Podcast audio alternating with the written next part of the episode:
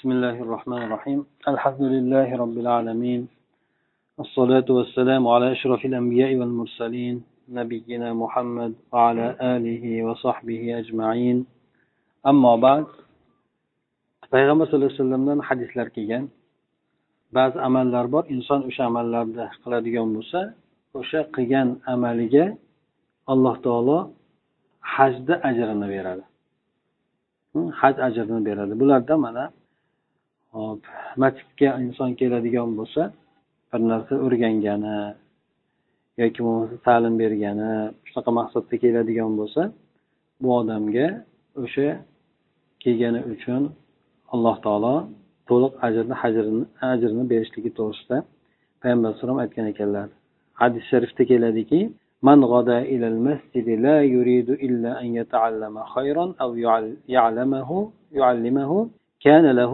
كأجر حاج تاما حجته حجته kim masjidga keladigan bo'lsa masjidga keladigan bo'lsa faqatgina bir yaxshilikni ta'lim olgani yoki bo'lmasa ta'lim bergani yaxshilik ta'lim olgani yo ta'lim bergani faqat shu maqsadda magazinni aylanish emas boshqa emas faqat shu maqsadda keladigan bo'lsa bu odamga haji to'liq bo'lgan hojini ajridaqa ajr beriladi degan ajri haji mukammal haj qilgan to'liq haj qilgan odamni ajrini beriladi deb aytgan ekan. Bu sahih hadis ekan.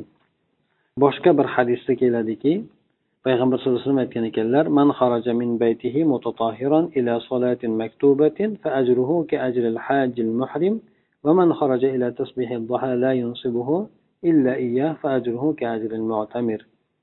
Hop kimki uyidan tahorat olgan holatda E, farz namoziga deb masjidga keladigan bo'lsa bu endi masjidga namoz uchun keladigan odam. Yuqoridagi namoz bilan birga boshqa ya'ni ta'lim olgani yoki ta'lim bergani keladigan odam haqida edi. Demak kim masjidga tahorat olib farz namozini ado etaman deb keladigan bo'lsa bu odamni ajri xuddi ehromga kirgan hojini ajridaqa bo'ladi ya'ni uydan chiqib kelishligi ehrom kiygan odam hajga tayyorgarlik o'sha haj vaqtiga kirgan odam bo'ladi haj amaliga kirgan odam bo'ladi. Bu odam ham o'sha namozga tahorat olib chiqadigan bo'lsa uyidan e, xuddi hoji odam ehrom kiyib haj qilishni boshlagani kabi ajrga ega bo'ladi dedi. Kimki zuho namozini o'qishlikka chiqadigan bo'lsa faqatgina o'sha zuho namozini maqsad qilib chiqadigan bo'lsa bu odamni ajri umra qiluvchini ajri kabi bo'ladi degan zuho namozi quyosh chiqib bo'lgandan keyin to bir soat o'n bir o'n ikkigacha o'qiladigan namoz endi hozir. Ikki rakat yoki to'rt rakat o'qiladi. Shunga demak shunchalik ajr berilar ekan. Yana boshqa bir hadisda keladi. Bunda ham o'sha hajda ajrni berilishligi to'g'risida. في جماعة ثم قعد يذكر الله حتى تطلع الشمس ثم صلى ركعتين كانت له كأجر حجة وعمرة تامة تامة تامة degan ya'ni kim bomdod namoziga kelsa jamoatga keladigan bo'lsa jamoat bilan bomdod namozini o'qiydigan bo'lsa keyin o'sha o'tirgan joyida alloh taoloni zikr qilib o'tiradigan bo'lsa to quyosh chiqqunigacha ya'ni zikr qilganda qur'on o'qib yo zikr qilib yoki bir diniy suhbat qilib boshqa qilib o'tiradigan bo'lsa quyosh chiqib bo'lgandan keyin ikki rakat namoz o'qiydigan bo'lsa mana bu odamga to'liq bo'lgan uch marta ta'kidlagan ekan payg'ambar alayhissalom to'liq bo'lgan to'liq bo'lgan to'liq bo'lgan haj haj bilan umrani ajridaqa ajr bo'ladi degan. O'sha odam namozdan keyin o'tiradigan bo'lsa endi. Bu termiziy rivoyat qilgan ekan bu hadisni alboniy hasan degan ekan. yana bir boshqa bir rivoyatda keladiki من صلى الصبح ثم جلس في مجلسه حتى تمكنه الصلاة تمكنه الصلاة كان بمنزلة عمرة وحجة متقبلتين kim bomdod namozini o'qisayu o'sha o'tirgan joyda o'tiradigan bo'lsa to uni o'sha namoz imkoni bo'lgunigacha ya'ni namoz quyosh chiqqandan keyin o'qiladi bomdod farzni o'qigandan keyin namoz o'qilmaydi to quyosh chiqqungacha nafl namozni o'qib bo'lmaydi Quyosh chiqib bo'lgandan keyin quyosh chiqishligi hozir sakkizu besh o'nlarda chiqayotgan bo'lsa o'n besh yigirma minut farqi bo'ladi.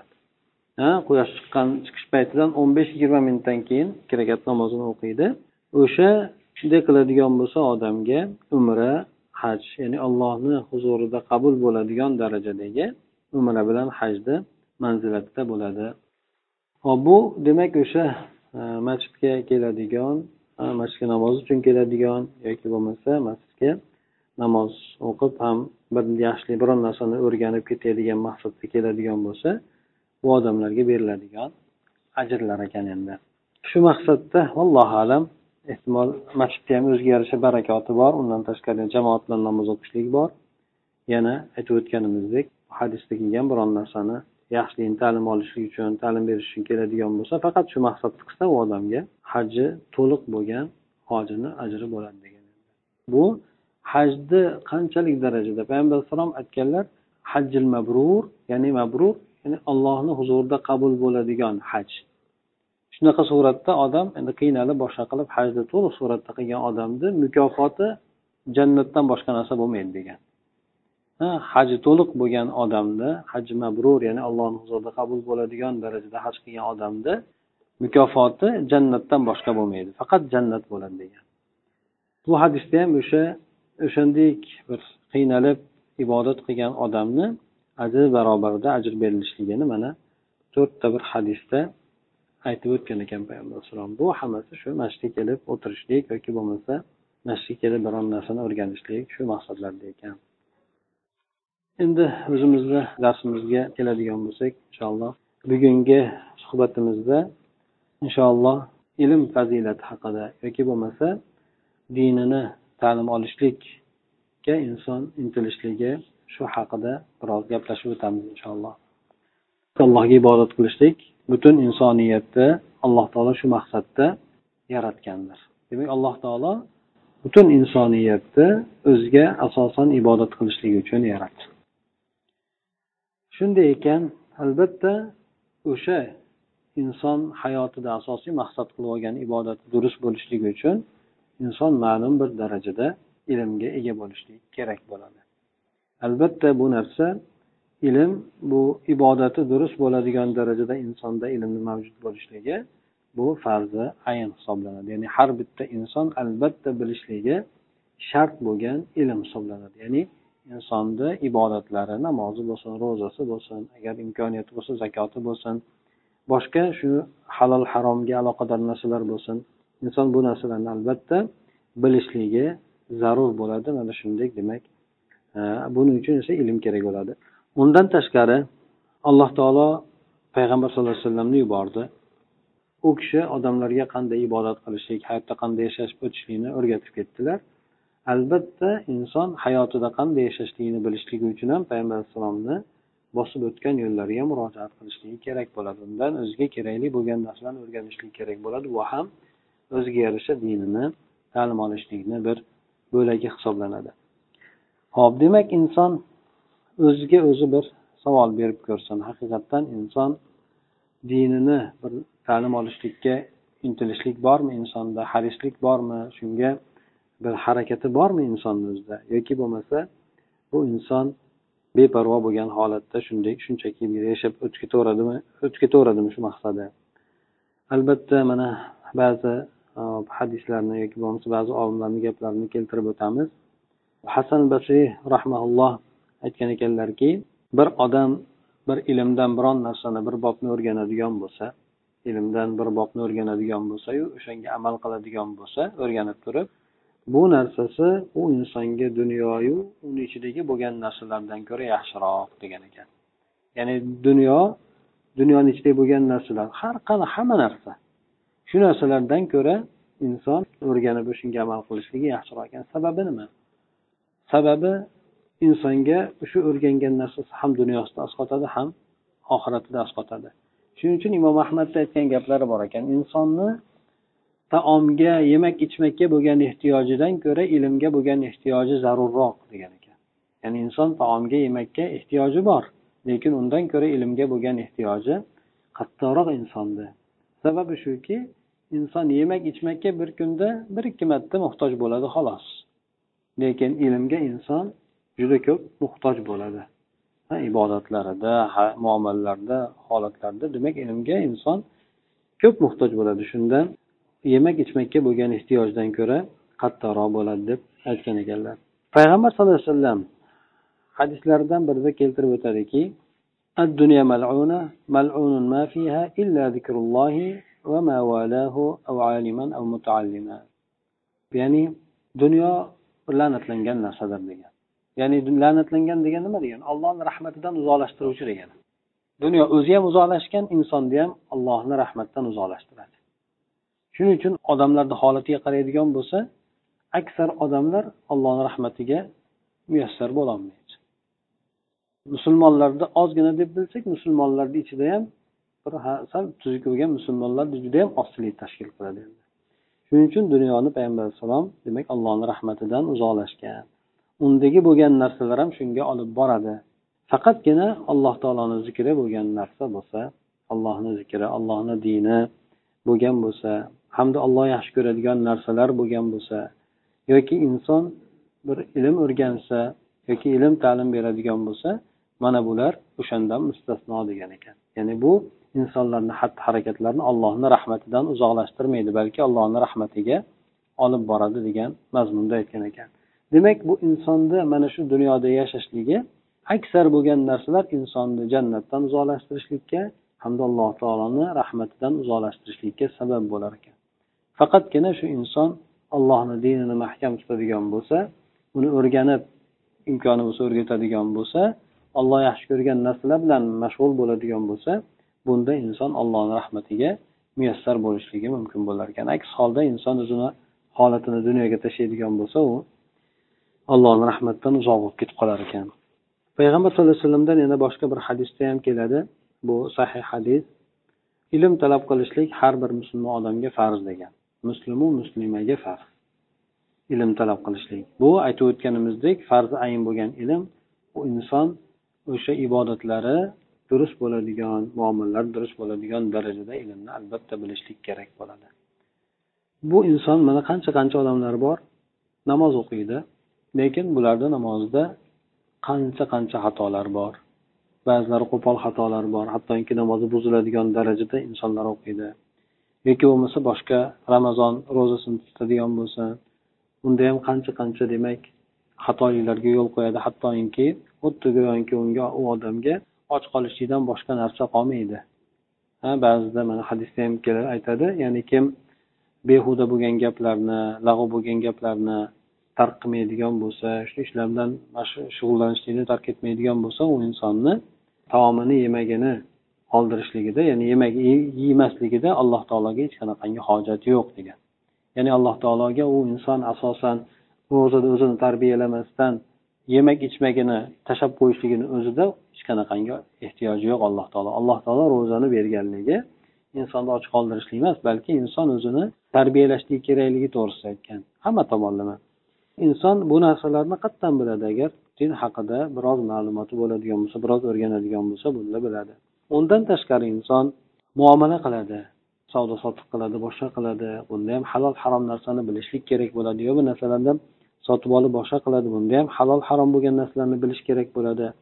Bu narsalarni bilmasdan qilishligi insonni juda ko'p harom bo'lgan narsalarga olib borib qo'yadi. Dinini bilmasligi insonni ibodatlarini bir pulga ham chiqarib qo'yishligi mumkin. Ba'zi odamlardan eshitasiz masalan ba'zi odamlarda bor bo'layotgan narsa ekan hattoki ilmsizlik oqibatidan ilmsiz bo'lib turib ilmga targ'ib qiladigan bo'lsa orqasiga o'zini tashlaydigan hech qanaqangi bir ilmga qiziqmaydigan bundan tashqari ibodatlarni behuda qilayotgan. Hattoki alhamdu suralarini ham namozda o'zbekchasini o'qishlik. Shu darajada yetib borishgan. Alhamdu surasini hamma bismillahi rohmanir rohim alhamdulillah robbil alamin deb o'qiydiku butun musulmonlar shunday o'qiydi. Lekin bu narsani qilmasdan inson o'zbekcha o'qishligi kifoya bo'laveradi biz. O'zbekmiz qur'onni o'zbekcha o'qishimiz kerak deb hatto namozda ham o'zbekcha o'qishayotganligini aytadi. Bittasi aytadi shu harakat qilib qilib oxiri tom ketay deyapti ularga aytib tushuntirolashga deydi ya'ni qur'onni o'zbekcha o'qish mumkin emasligiga dalil keltirib bering deb aytyapti deydi. Ha qur'on o'zi arabcha tushgan arab tilidagisi qur'on o'zbek tilidagisi qur'on emas u. qur'on deganda allohni kalomi shunday allohni kalomi o'zbekcha gapirmagan arabcha gapirgan. Undan tashqari payg'ambar alayhissalom butun musulmonlar hammasi qur'onni arabcha o'qiydi. Namozda ham arabcha o'qiydi. Boring o'zbekcha tushunsin mayli lekin qur'on arab tilida nozil bo'lgan ibodatlarga arabcha o'qishligi talab qilinadi. Mana shu narsalarda insonlar dinni o'rganishlikka qiziqmaydi. Din o'rganganda bunday qilmagan bo'lardi. Undan tashqari o'sha holatga cheklanib qolgan. Ya'ni e, bu bilan insonlar demak ibodatlari ham hech qanaqangi bir e, o'zbekcha o'qiydigan bo'lsa u ibodati ibodat sanalmaydi shuncha qiladigan ibodatlari ko'kka sovurilib ketib qoladi. Shundan demak e, bir olim kishi aytgan ekanki qancha johil bo'lgan odam borki o'sha johil bo'lgan odam ilm o'rganib qolganda ilm yetib qolganda shu uni jaholat botqog'idan qutulishligiga sabab bo'lib qolgan. Jahol johil yurgan lekin ularga yo o'zlari o'rgangan yoki o'sha o'rgangan odamlar bilan birga bo'lib qolganda o'sha ilm foyda qilib ularni jaholat botqog'idan qutultirgan. Lekin qancha qancha ibodat qilayotgan odam borki bu odamlar xuddi johillarni amaldaqa amal qiladida bu amallari ularni halok qiladi keyin. Deb aytgan hozirgi aytib o'tganimizdek bu ibodat qiladi ibodat qiladi lekin bu ibodat insonni yaxshilikka emas balki halokatga olib boradi. Payg'ambar sallallohu alayhi vasallam yuqorida demak u kishini hadislarini aytib o'tdik. Bundan tashqari yana payg'ambar alayhissalom ilm izlab chiqishlik haqida aytib o'tgan hadislari ham bor. Kim ilm izlab chiqadigan bo'lsa insonga alloh taolo jannatga bo'lgan yo'lni oson qilib qo'yadi deb turib chunki inson o'sha jannatda ilm o'rganishlik orqali topadi endi. Bundan tashqari yana boshqa e, sahobalarni gaplarida ham keltirib o'tadi ali roziyallohu anhu aytgan ekanlarki odamlar uch toifalik bo'ladi. Hop biri borki bu robboniy olim bo'ladi ya'ni ilmiga amal qiladigan kimsalar bo'ladi. Ikkinchisi o'zini najot toptiray deb ilm o'rganayotgan odam bo'ladi. Uchinchisi odam bo'ladigan bo'lsa omi ya'ni har qanaqangi chaqiriqqa orqasidan ketaveradigan bir johil bo'lgan odamlar bo'ladi. Bular har shamol bo'ladigan bo'lsa o'sha shamollarga qarab esib ketaveradi. Ya'ni kim qayoqqa yetilasa ketib qolaveradi o'zlarida ilm yo'q yoki bo'lmasa bir ilm olishlikka ham qiziqmaydi kim ularni yetilasa olib ketib qolaveradi deb aytgan ekan. Haqiqatdan demak odamlarni holatini qaraydigan bo'lsangiz ham johil bo'lgan odamlar ko'plari manaqangi hozirgi aytib o'tgan narsamizdaka demak butunlik to'g'ri yo'ldan ham chiqib ketgan ibodatlar durust bo'ladigan holatlardan ham chiqib ketib qoladi. Abu dardo roziyallohu anhuda aytgan gaplari bor ekanki u kishi aytgan ekanlar kun aliman av mutaalliman av muhibban av mutaabbiyan valakin vala takun al xomis fatahlak degan ekan. Ho'p ya'ni muttabian deb olim bo'lgan yoki ta'lim oluvchi bo'lgan yo ularni yaxshi ko'rib ergashuvchi bo'lgan. Beshinchisi bo'lmagin degan ekan halok bo'lib ketasan. Beshinchisi nima deganda bidatchi deb aytgan ekan ba'zilar. Beshinchisi nima degan ya'ni inson yo ilm o'rganish kerak yo ilm o'rganganlar bilan ularga ergashib yurish kerak. Imkoniyati bo'lsa o'rganishi kerak har odam. Imkoniyati bo'lmasa ilm o'rgangan odamlar bilan demak o'sha qilayotgan ishlarini ibodatlarni to'g'irlab turish kerak bo'ladi. Bulardan tashqarida bo'lib ketgan odam bidatchi bo'lib ketib qoladi. Ya'ni dinga dindan bo'lmagan narsalarni olib kelib o'shalarni qilaveradigan odam bo'lib qoladi. Shu odamlarni toifasidan bo'lmagin degan ekan. Payg'ambar sallallohu alayhi vasallamni hadislarida keladiki qaysi bir banda bilan alloh taolo yaxshi iroda qilgan bo'lsa bu odamni dinni tushunadigan qilib qo'yadi degan. Dinni tushunadigan yaxshi tushunadigan qilib qo'yadi. Ya'ni bu alloh taolo qaysi bir banda bilan yaxshilikni iroda qilsa deyapti. Demak alloh taolo yaxshi ko'rgan odamini dinni tushunadigan qilib qo'yadi. Nafaqat olim balki odam dinni mohiyatini tushunadigan nima uchun bu dunyoda yashayotganligini biladigan ibodatlarni durustroq qiladigan odam qilib qo'yadi. Bu alloh taolo o'sha bandani yaxshi ko'rganligini alomati bo'ladi. Alloh taolo oyatda keltirib o'tadi albatta bilimli bo'lgan odamlar bilan bilimsiz bo'lgan odamlar barobar bo'lmaydi. Albatta bu narsadan aqlli bo'lgan odamlar eslatma oladi dedi. Hamma sohada ham ilmli bo'lgan bilan ilmsiz bo'lgan odam bir xil bo'lmaydi. Dunyoviy sohada ham bir xil bo'lmaydi diniy sohada ham bir xil bo'lmaydi. Albatta aql egalari bundan eslatma oladi dedi. Ya'ni inson imkoniyati qadar o'sha bilimli bo'lishlikka harakat qilishligi. Ho diniy tomondan bo'lsin ho dunyoviy tomondan bo'lsin lekin baribir ibodatlarini inson o'nglaydigan darajada ilm olishlik bilan birgalikda endi. Abu dardo roziyallohu anhuni gaplarini keltiriladiki u kishi aytgan ekanlar alloh taolo baxtiyor bo'lgan kimsalarga ilmni rizq qilib beradi ya'ni ilm bilan rizqlantiradi alloh taolo o'zini tanitib qo'yadi ibodatlarni tanitib qo'yadi u odamga.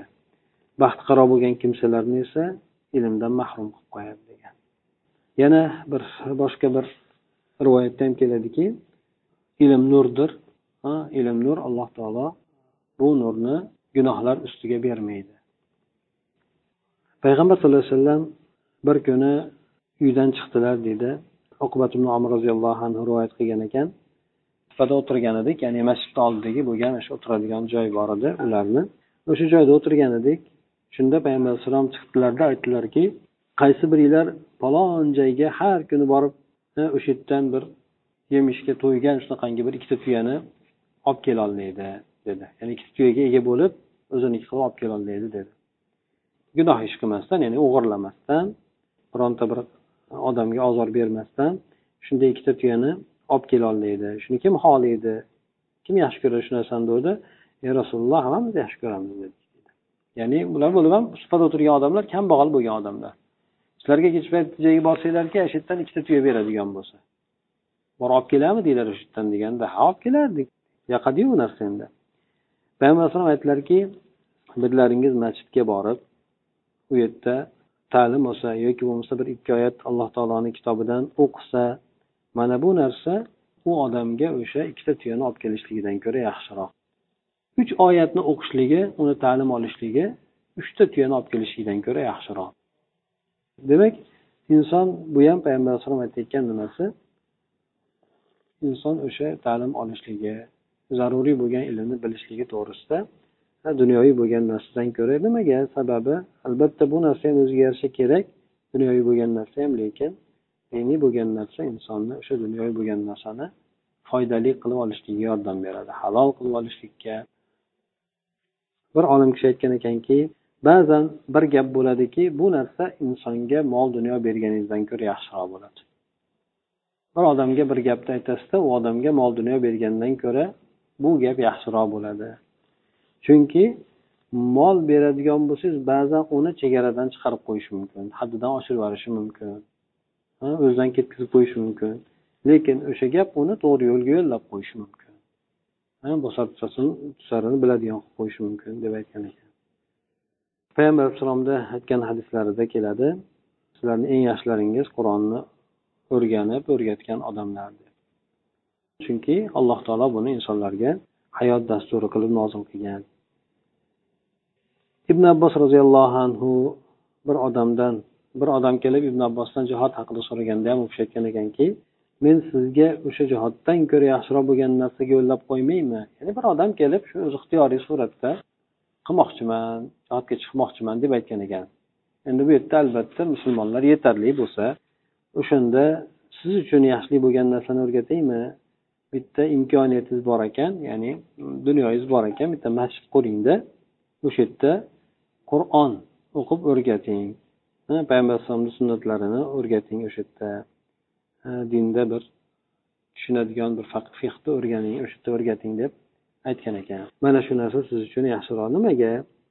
Chunki jihodda odam o'ldirishlik bo'ladigan bo'lsa ilmda odamni tiriltirishlik bo'ladi.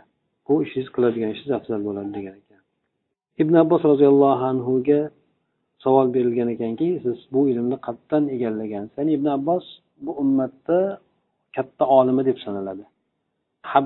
Umma ya'ni bu ummatda eng katta olimi deb sanalganda u kishini. Bo'lib ham payg'ambar alayhissalom bu kishini haqlariga duo qilgan. Alloh taolo bu kishiga ilm bergan hikmatni bergin deb tafsirni o'rgatgin deb payg'ambar alayhissalom haqlariga duo qilgan.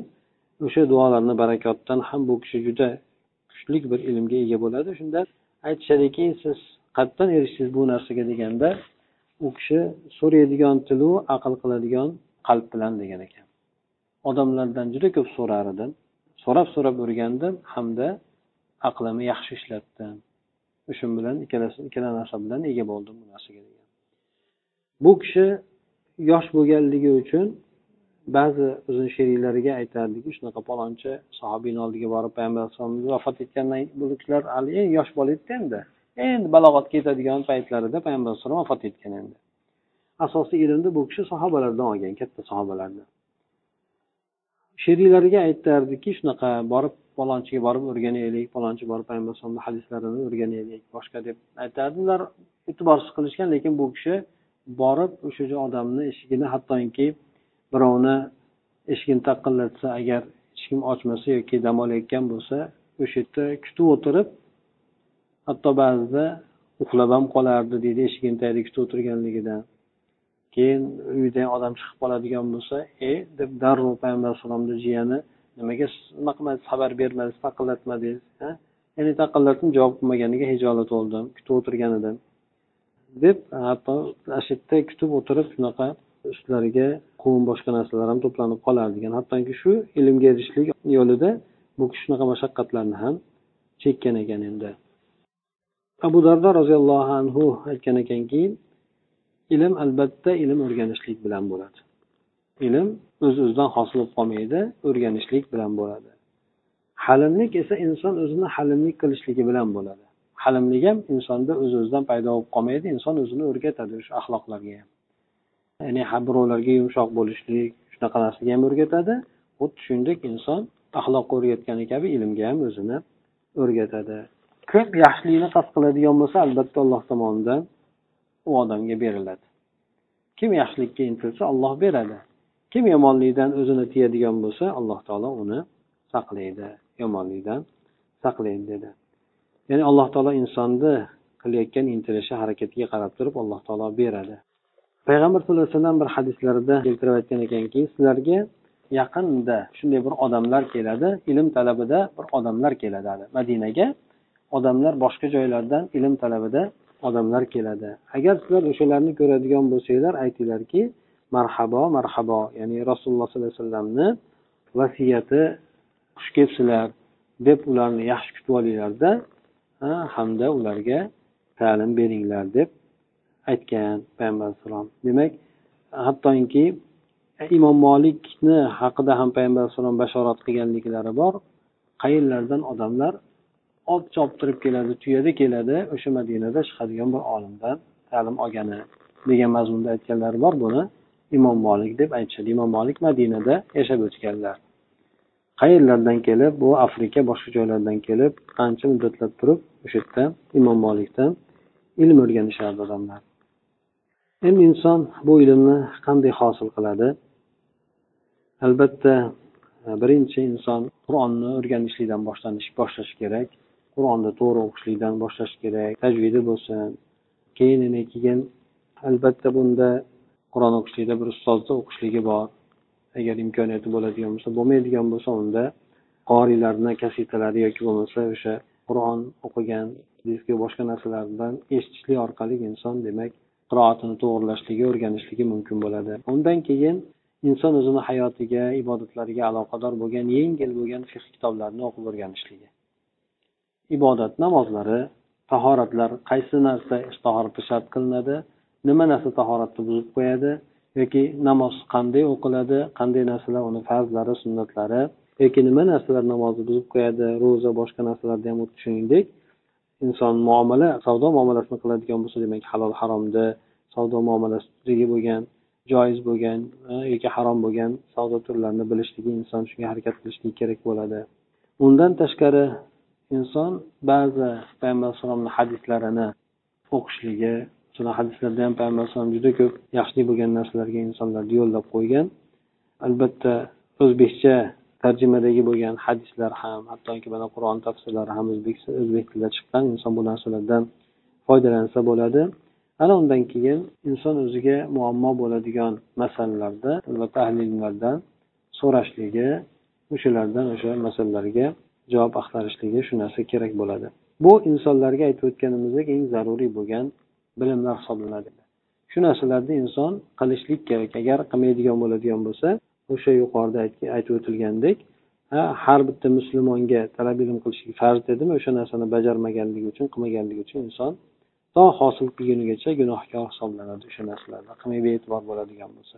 Lekin payg'ambar alayhissalom insonlarni bee'tibor bo'lganligi yoki dangasa bo'ladigan ozgina qiyinchilikka toqati bo'lmaydigan sababli bo'lsa kerak ehtimol shu ilm o'rganishlik to'g'risida ham inson o'ziga zarur kerak bo'ladigan ilmlarni o'rganishlikda ham ko'plab mana hadislarni payg'ambar alayhissalom bayon qilgan. Hattoki insonlarga juda katta ajrlarni berilishligi hattoki mana qur'ondan insonlar juda uzoq bo'lib ketib qolganmiz qur'on o'qishlikdan. Hatto mana payg'ambar alayhissalom odamlarni yaqinlashtirishligi uchun har bitta o'qiydigan harfiga ajr bo'ladi degan. Har bitta o'qiydigan harfiga o'n baravarida ajr bo'ladi degan bir dona harfga. Bu inson bir bet o'qiydigan bo'lsa kim? Xudo biladi qancha insonni harflar o'tadi. Payg'ambar alayhisalom demak odamlarda g'aflatda bo'lishligi yoki dangasalik bo'lishligi kutiladigan narsalarga katta katta ajrlarni aytib bo'lsam shunga odamlarni qiziqtirgan ekan. Shular jumlasidan mana ilmni ham aytilgan ya'ni ilm izlab bir inson uydan chiqadigan bo'lsa farishtalar qanotini yozib turadi. Meni qanotimni essin deb o'sha tolib ilmni sharafi sababli endi farishtalar demak ularni yo'llarida qanotlarini yozib kutib oladi deydi alloh taolo undan tashqari jannatga bo'lgan yo'lni oson qilib qo'yadi degan. Payg'ambar sallallohu alayhi vasallam aytganlar alloh taolodan foydali ilmni so'ranglar chunki foydasiz bo'lgan ilmlar ham ko'p odamlarda. Ilm insonni to'g'ri yo'lga yo'llash kerak lekin qancha qancha odamlarni zalolatga olib ketib qoladi. Noto'g'ri foydasiz ilm olganligi uchun.